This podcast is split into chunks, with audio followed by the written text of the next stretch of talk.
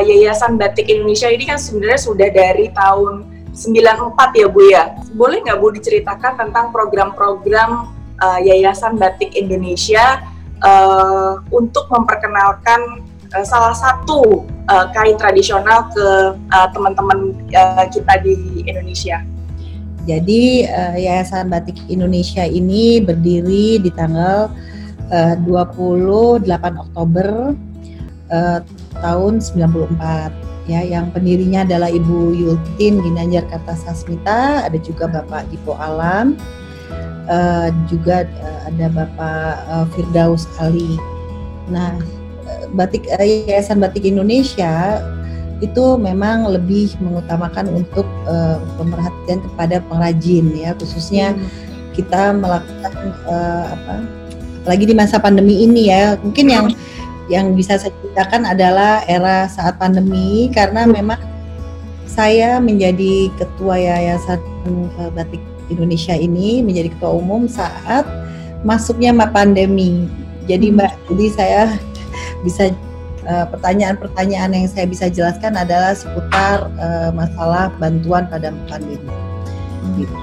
Jadi karena masalah uh, pandemi ini memang sangat berpengaruh kepada yayasan eh, kepada para pengrajin, hmm. maka Yayasan Batik Indonesia ini uh, melakukan pameran kecil hmm. yang di mana kita mengkurasi daerah-daerah dan kita membuat itu per minggu.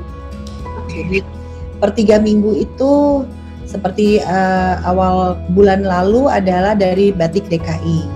Mm-hmm. Itu tiga minggu kemudian dari Jambi. Lantas sekarang sudah masuk ke Jawa Barat dan berikutnya mm. akan ada Aceh, batik Aceh, ada batik dari um, apa dari Sumatera Barat, juga hmm. ada batik-batik dari daerah daerah-daerah lain seperti Jawa Timur, Jawa Tengah dan lainnya. Oke. Okay. Nah, tujuan ya tujuannya ini adalah membantu para pengrajin yang khususnya adalah pengrajin kecil yang belum uh, memiliki outlet yang memang uh, ini pengrajin kecil ya Bu. Uh, kita mencarinya dengan kurasi itu supaya mereka tetap terbantukan dan mereka tetap bisa melestarikan uh, karya-karya mereka. Itu. Itu memang tahap pertama kita.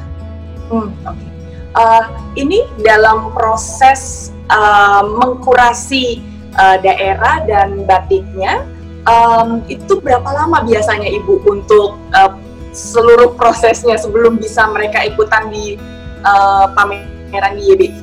Ya, jadi tadi ada yang tertinggal.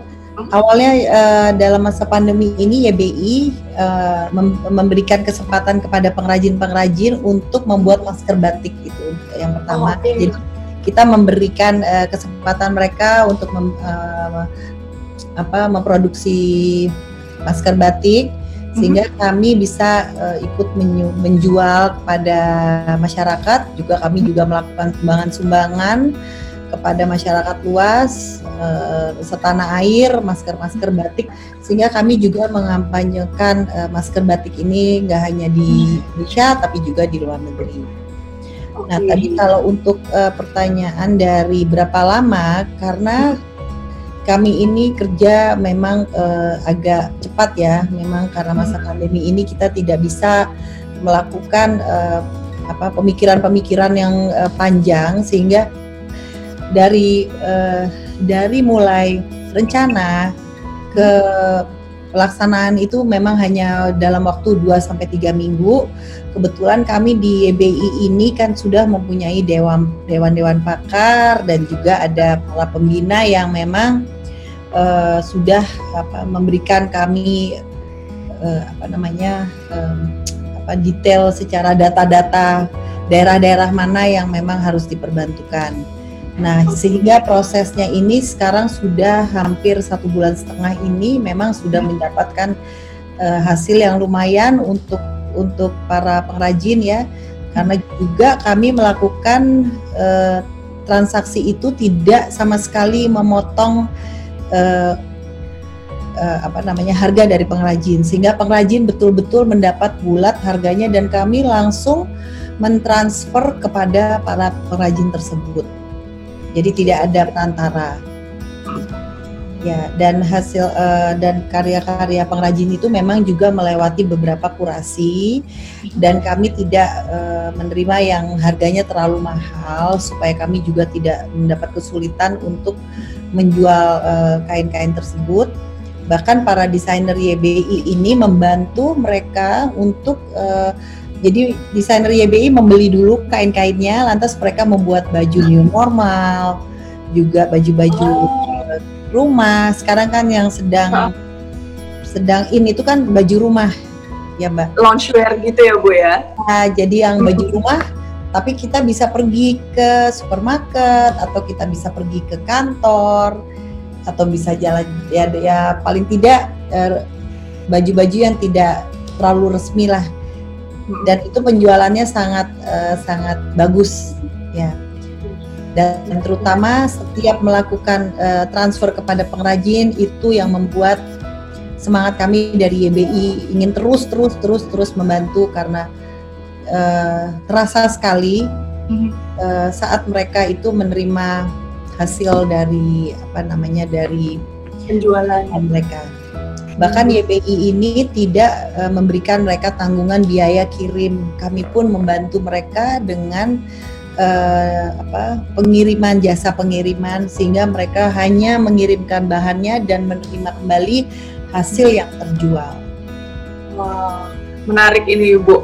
Ini kira-kira berapa banyak ini? Karena waktu uh, saya datang pertama yang pas pameran uh, batik Jawi, oh iya, itu ada yang harganya uh, kalau orang kan biasanya cari batik yang mahal-mahal gitu ya, kemudian di bawah penjahit.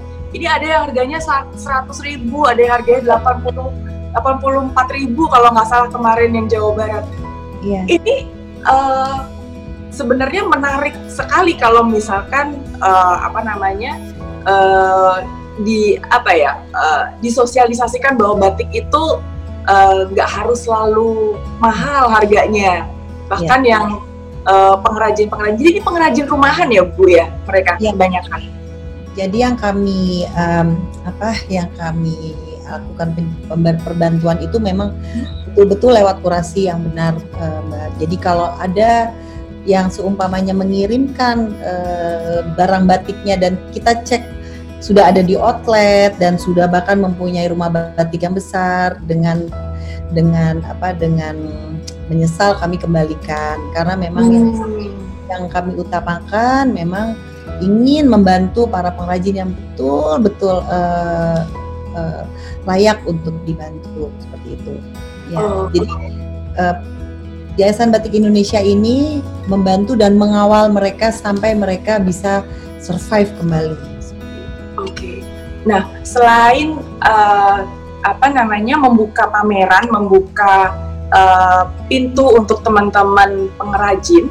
Uh, kalau di YBI sendiri, apakah ada uh, program misalnya seperti pelatihan, uh, misalnya kan uh, pelatihan bagaimana mereka, terutama di masa pandemi ini, uh, mengelola keuangannya, misalkan. Uh, terus, uh, apakah ada pelatihan misalnya menggunakan bahan-bahan uh, uh, pewarna yang ramah lingkungan atau kalau sekarang uh, pewarna alam seperti itu, Bu? Ya, memang kami mempunyai uh, bidang khusus ya, bidang pelestarian dan juga ada beberapa bidang yang melakukan selalu webinar dan Zoom ya hmm. untuk pelatihan-pelatihan uh, seperti itu ya. Masa-masa pandemi ini uh, YBI beberapa kali melakukan kegiatan uh, ya seperti pelatihan-pelatihan dari apa warna alam dan lain-lain, tapi dua bulan terakhir ini kami berkonsentrasi memang betul-betul kepada uh, pengrajin kecil yang benar-benar uh, kita bantu dengan penjualan itu dulu sebenarnya karena uh, kalau ya supaya ini Indonesia ini terus perekonomiannya terus uh, bergerak dulu. Bergerak. Iya, yang urgent sekarang adalah memang dengan uh, cara kita mengambil barang-barang uh, yang tidak terjual dari pembatik-pembatik ini kita kita salurkan dan kita jual di rumah Yayasan Batik Indonesia. Karena kalau menurut saya di saat pandemi ini memang webinar dan Zoom sangatlah baik untuk uh, kemajuan teknologi dan lain-lain. Tentunya dengan perkembangan-perkembangan uh, teknologi dan apa corak maupun gambar.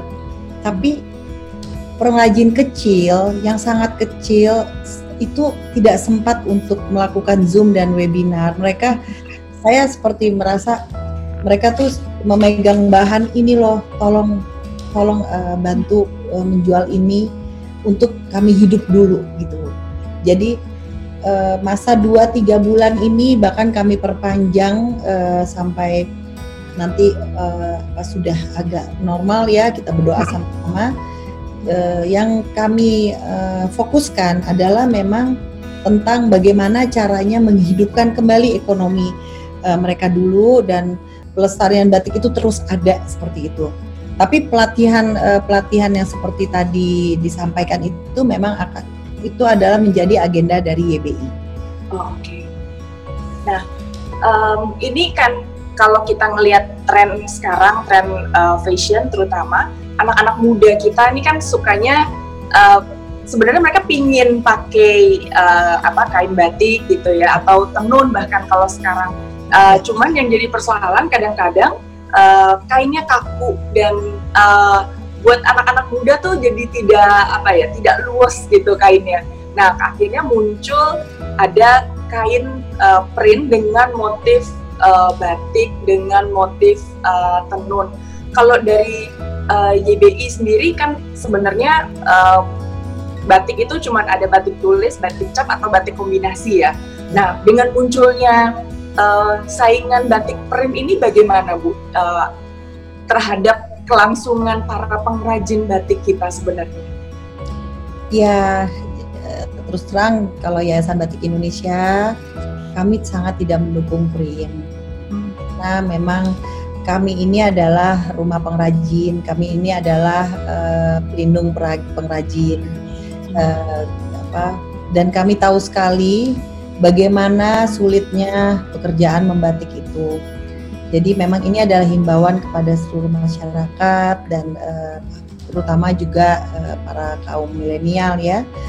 Uh, ini yang kami selalu ingin uh, melakukan pameran ini kami undang untuk melihat bagaimana detailnya batik. Nah, uh, dengan juga kami berencana melakukan pelatihan-pelatihan secara offline supaya mereka bisa menghargai bagaimana batik-batik ini dibuat uh, dengan tidak mudah. Dengan pengertian seperti itu, tentunya uh, apa persaingan print dan lain-lain akan ada jawabannya. hmm Kalau kita hanya bicara jangan print itu kan uh, sangat tidak apa ya tidak informatif lah. hmm Tapi kalau mereka bisa nanti uh, apa uh, belajar dan melihat sendiri bagaimana Eh, para pembatik itu melakukan uh, penitikan apa goresan-goresan uh, batik itu tidak tidaklah mudah. Dan batik itu saya percaya membatik itu seperti melukis. Karena uh, batik itu juga apa namanya uh, uh, sesuatu yang yang sangat rumit uh, yang apa kita saja kalau dikasih apa kalau dikasih kain aja belum tentu kita bisa uh, melakukan ya bisa blobor ya apa dengan kesadaran seperti itu maka uh, saya berharap ke depan tuh banyak sekali uh, masyarakat akan mem memikirkan bahwa oh ternyata batik itu uh, yang betul batik itu adalah batik cap tulis atau kombinasi seperti itu. Nah, ini uh, untuk uh, yang datang ke YBI uh, eh, ini range umurnya biasanya berapa nih Bu? Jadi ini Pak, pengertiannya adalah kalau kita ini uh, memakai batik uh, yang cap dan tulis dan kombinasi, kita juga membantu perekonomian dari uh, para pengrajin, dari para pengrajin sendiri. Hmm. Itu sih sebetulnya poinnya ya bahwa uh, dengan kita menghargai membeli batik yang diproduksi dan dilakukan sendiri oleh pembatik itu berarti kita membantu uh, para pembatik uh, para pembatik itu sendiri dan kita juga memperkenalkan bahwa batik itu adalah setiap goresan di batik itu mempunyai jiwa seperti lukisan di mana tidak asal goresan. Hmm. Kadang pembatik kita zaman dulu itu juga ada yang berpuasa.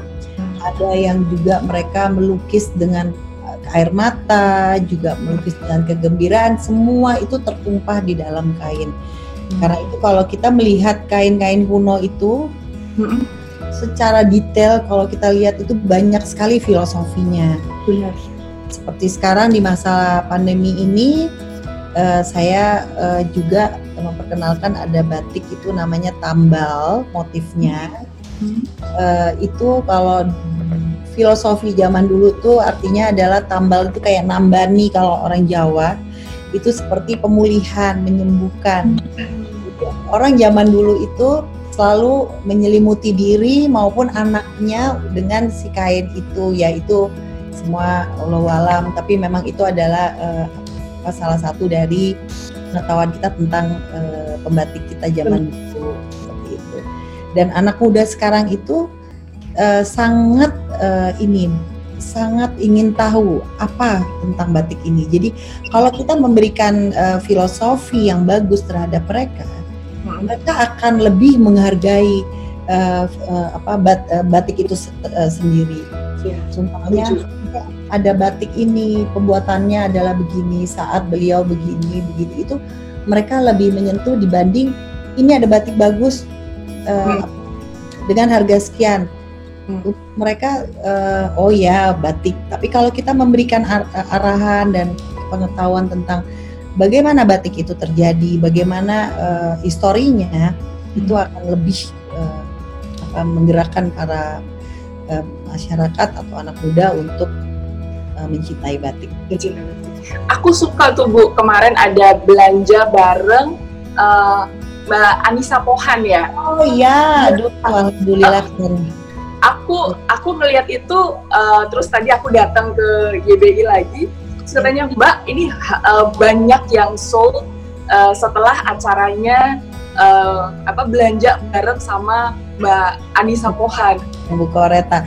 Jadi ya itu dengan hmm. uh, IG Live hmm. itu alhamdulillah melakukan 50 uh, kain batik dalam waktu dua jam. Wah dan itu juga disaksikan oleh para pengrajin-pengrajinnya. Jadi aduh mereka sampai ada yang pinjem handphone temennya, terus ada yang pergi ke tempat internet karena mau melihat bagaimana batik itu diperjualkan dan mereka melihat sekali bahwa presentasi batik di Yayasan Batik Indonesia ini kita benar-benar presentasikan dengan uh, apa, dengan suasana ambience yang juga uh, bagus gitu ya. Hmm kita ingin menghargai batik itu tidak hanya sekedar kita taruh begitu tapi kita pajang secara uh, indah sehingga um, akan menjadi lebih apa lebih menang, uh, menaikkan uh, apa keindahan batik itu sendiri dan kelihatan lebih hidup jadinya ya Bu ketika hmm. orang melihat batiknya cantik gitu ya dipajang walaupun mungkin uh, harganya tidak semahal seperti yang ada di butik-butik oh. ternama tapi karena ada satu dipajang dengan cara yang indah akhirnya membuat orang jadi tertarik untuk membelinya. Betul. Jadi kita pun uh, anggota yayasan batik ini kita sudah seperti rumah di sini ya seperti keluarga juga kita membentuk keluarga yayasan batik Indonesia. Jadi uh, kami secara bergantian menjaga uh, rumah yayasan batik ini dengan penuh uh, uh, apa ya kegembiraan, keikhlasan hmm. karena kami benar-benar uh, di sini adalah uh, dealing langsung dengan para pengrajin kecil. Jadi begitu IG live dilihat bahwa kainnya dibilang bagus, cantik, apalagi harganya ya uh, tidak harga yang apa tidak yang mahal ya. Jadi semua juga apa membelinya juga dengan senang hati. Senang hati. Ya. Oh menarik nih Bu. Aku pengen pengen lihat lagi nanti kalau misalnya ada seri yang shopping shopping live berikutnya. Iya. Oke. Okay. Nah, uh, untuk yang uh, berikutnya nih Bu, uh, ini kira-kira akan ada uh, berapa berapa kali uh, pameran lagi Bu atau berapa daerah lagi yang nanti uh, apa namanya uh, dibuatkan pamerannya? Karena kan ini ternyata batik itu yang di luar kalau kita dulu kenalnya batik hanya dari Jawa gitu. Ya. Tapi uh, setelah uh, kita belajar ternyata tuh batik ada dari mana-mana bahkan termasuk dari Papua juga. Ya, ya. Hmm. Jadi uh, setelah Jawa Barat tanggal 5 September itu kita sudah ada pergantian kepada batik Papua, Aceh dan Sumatera Barat. Okay. Kita gabung jadi satu ya. Ya karena memang uh, Papua dan Aceh, uh, Papua ini terutama uh, memang produksinya belum terlalu banyak sehingga kami gabung. Dan kami memang di sini juga selain uh, mengadakan pameran, kami juga ingin juga uh, mengadakan pelatihan untuk daerah-daerah yang memang belum produksi banyak tentang batik. Ini adalah juga sebagai agenda YBI ke depan bahwa ingin sekali pembatik ini lebih uh, lebih produksi, lebih produktif dan lebih mendapat uh, apa kesempatan untuk daerah yang belum uh, mempunyai uh, banyak pembuat batik jadi mempunyai uh, batik dan kalau bisa membuat batik itu di daerah masing-masing, di daerahnya sendiri. Jadi seperti Papua itu uh, Yayasan Batik ingin mengadakan pelatihan dengan cara mengangkat batik-batik Papua yang pernah ada. Nomor satu pastinya kita ambil yang sudah pernah ada, jangan sampai batik itu menjadi punah. Terus juga ada uh, baru yang batik baru yang akan menyesuaikan. Jadi uh, batik-batik tiap daerah itu terus berkesinambungan dan terus memproduksi uh, uh, uh, karya-karya yang baru. Karyanya. Nah, okay. ya. Baik, ini pertanyaan yang terakhir Ibu. Um, buat teman-teman muda, uh, karena kan kita juga pengen anak-anak muda, teman-teman muda kita uh, jadi lebih mencintai budaya uh, kita sendiri, terutama lewat kain Eh, kira-kira ibu ada pesan nggak buat teman-teman muda supaya mereka jadi lebih uh, bangga menggunakan kain-kain tradisional, terutama batik, supaya uh, walaupun ini sudah dijadikan uh, hari batik, gitu ya, nggak ada hari batiknya, uh, tapi mungkin uh, rasa cintanya belum belum uh, terlalu maksimal gitu. Jadi bagaimana uh, pesan ibu untuk teman-teman muda? Ya, uh, tentunya dengan mencintai batik nomor satu adalah kita juga mencintai uh, karya anak bangsa, karya saudara-saudara kita sendiri, di mana uh, pengertiannya adalah banyak sekali orang dari luar negeri itu terkesan melihat hasil karya batik dari negeri kita tercinta. Kenapa enggak dari kita juga? Karena itu adalah bagian dari kekayaan uh, ragam dari bangsa kita sendiri dengan kita memakai batik. Batik itu bukan batik artinya bagaimana. Batik itu batik sebenarnya keren. Nggak hanya untuk orang dewasa maupun sesepuh sesepuh kita tapi batik pun bisa dipakai untuk anak-anak hmm. untuk hari-hari untuk remaja ke kantor ke mana-mana.